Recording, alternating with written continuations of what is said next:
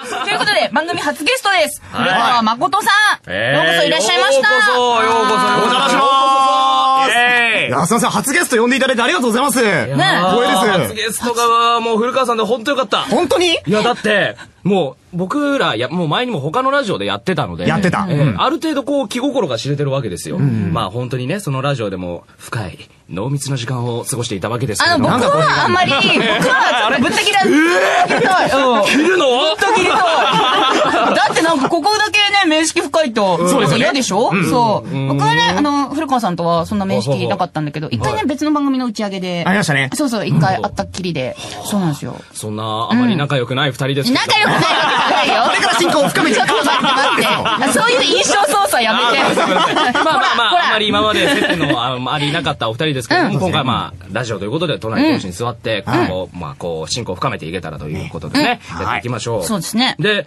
まあ、その手始めとしてですねはい、まあ、僕ら今、古川さんもびっくりされてるてると、あ、マコニャンもびっくりされてると思うんですけど、 そこ待って、あの、マコニャンって何あの、これは、あのーまあ、あの、ここの二人の絆の話なんで、ちょっと、ごめんなさい。やめよっか、ちょっ とさ。逃げる時期になってっからさ。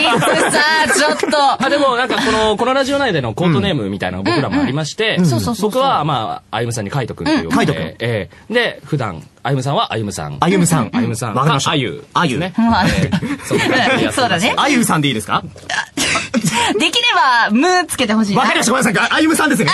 あ、やったやったあ優しいね、ね、えねえ、素直。じゃあ僕あゆにしとこう。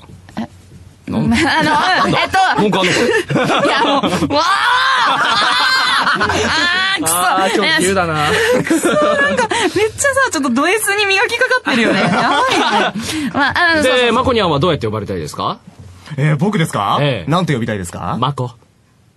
あのさえまこさ、んね、みんなにそういうこと言って んの。みんなにそういうこと言ってる。おい、こいつ。のラジオだけだよ。やだ、もう。回答。いやいやいやいや、このラジオだけですよ。そう。